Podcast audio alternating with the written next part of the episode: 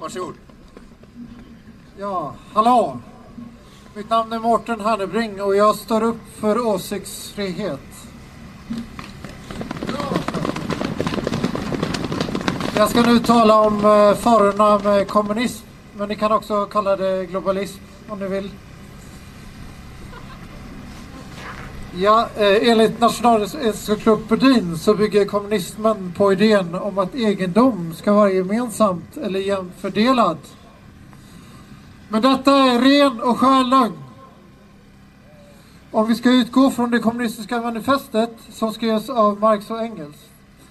Där står det att kommunismen är ett spöke och parti mot vilka alla gamla europeiska makter har slutit sig tillsammans för att motarbeta. Vad är det som är så farligt med detta spöke?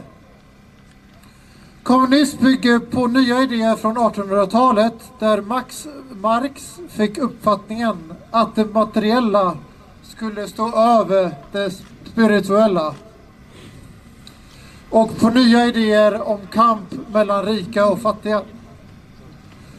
Innan dess trodde de västerländska folken på att materia följde himlens lagar. Genom filosofer såsom Hegel och de gamla grekerna.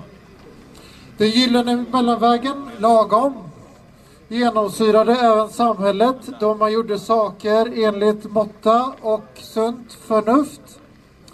En framgångsrik arbetare belönades således med att bli rik medan den som tar allt för många risker så som dagens bankirer fick stå sitt kast med sin ohållbara utlåning istället för att räddas av staten som är dess tjänare. Kommunisterna jobbar mot folken internationellt genom manifestets tio punkter. Första punkten är att stjäla böndernas deras land. Den andra är att bedra adeln på sin egendom. Den tredje leder till att barnen förlorar sin rätt till föräldrars arv. Den fjärde punkten ska eh, enligt den då ska bidras endast ge till de som är medlöpare. Den femte punkten förordrar en centralbank eh, och det är vissa krafter som vill ha detta i de flesta länderna som ni vet. Eh, och det gör ju också att bankirerna kan styra och det gör de via inflationen där de kan skapa pengar ur intet. Eh, och de som eh, får ta smällen då, det är alla andra, det är folket. Eh, ja, och de vill också centralisera alla transporter. Det är sjätte punkten. Den sjunde punkten är att de vill förstatliga fabrikerna och det kommer leda till att produktionen faller då den inte följer efterfrågan. Alltså vet inte de i fabriken vad de ska producera. Åttonde punkten är arbetstvång för alla, även de svagaste. I eh, den nionde punkten vill de helt utplåna skillnaden mellan landet och staden. Vilket skulle endast uppnås genom att alla blir fattiga. Eh, till slut vill de i den tionde punkten uppfostra era barn i materialismens bojor med kommunistiska lärare. Anledningen till att era barn tvingas lyssna på sexrådgivare i skolan är att kommunisterna vill eh, avveckla familjeuppfostran samtidigt som de jobbar med att avveckla alla äktenskap mellan man och hustru genom feminism. Genom sitt manifest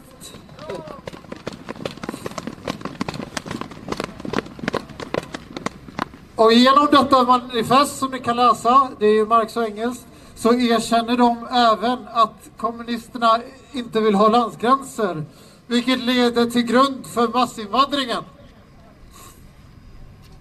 Kommunisternas materialism ligger eh, även till grund mot deras kritik mot traditionell moral och filosofi, vilket har byggt upp vår civilisation. Vi borde upplysa våra medborgare om farorna med eh, kommunismen eller socialistisk demokrati som den också kallas. Eh, och hur jobbar dessa då, kommunisterna? Jo, de jobbar med olika plan. Så från början är det ju marxism, sen finns det ju marxism-leninism och det finns också stalinism. Totalt är de ansvariga för 100 miljoner människors liv. Enligt Joshua Philip på Epoch Times. Eh, och dessa har de dödat genom svält, politiska mord och folkmord. Eh, Lenins eh, matstölder det ledde till 5 till 10 miljoner folks svält. Och eh, målet var att folk skulle tappa tron på sin tsar och på Gud. Att Marx var satanist dokumenterades av rumänen Richard Wurmbrandt. Tron på den dialektiska materialismen den eh, utvecklades av Stalin. Så även Stalin eh, jobbar ju väldigt kommunistiskt då. Och då är det att man, eh, där man jobbar emot, att man gör motsats. Så att om man har en traditionell ideologi man inte gillar som en kommunist så gör man en motsats och sen eh, attackerar man det traditionella. Eh, ja.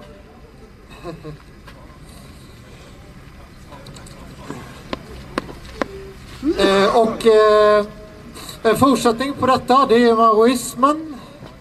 Så enligt mina egna efterforskningar så eh, blev Mao Zedong kommunist på Yale-universitetet och eh, blev en motpol mot kinesisk nationalism. Eh, han är ansvarig för 70 miljoner människors död. Och kulturrevolutionen, den tog sönder 5000 år kinesisk traditionell kultur. Ja, och i, i dagens Kina så får åttondeklassare lära sig enligt förra årets beslut att eh, Mao gjorde inget fel med det.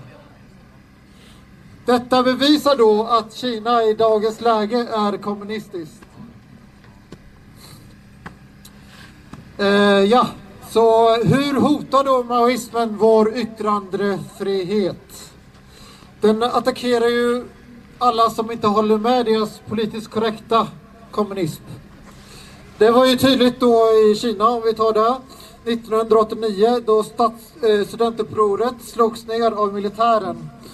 Av, och det var Jiang Zemin som var ansvarig och eh, Jiang Zemin han blev sedan diktator så de belönar de som förföljer folk. Eh, och eh, han eh, eh förföljde också då Falungong 1999. Och det var via att de stjäl organ, det har bevisats 2006. De har torterat folk och eh, de har gjort internetcensur. Så att ingen kan få reda på vad som händer. Eh, ja, och eh, Falungong står då för traditionella värden som sanning, godhet och tålamod. Eh, ja, och eh, de, det, det, är även etiska folk som är förföljda i Kina. Uigurer och tibetaner.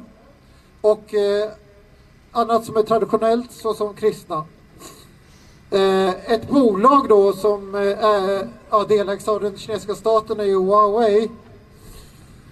Och eh, dessa eh, jobbar ju väldigt mycket med för att införa 5G i Europa. Eh, och detta är ju ett stort hot för att de spionerar ju på all befolkning. Så det yttersta tecknet på Sveriges regering är suverän eller kommunistisk är om de stänger ute Huawei eller inte. Så jag ska vända blad här bara.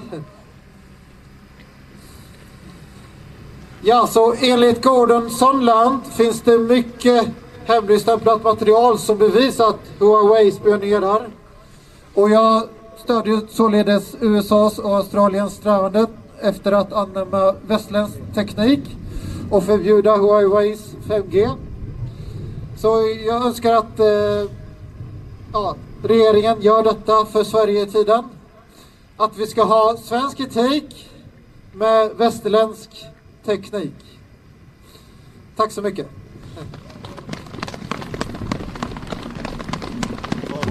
Tack för det Mårten Hernebring.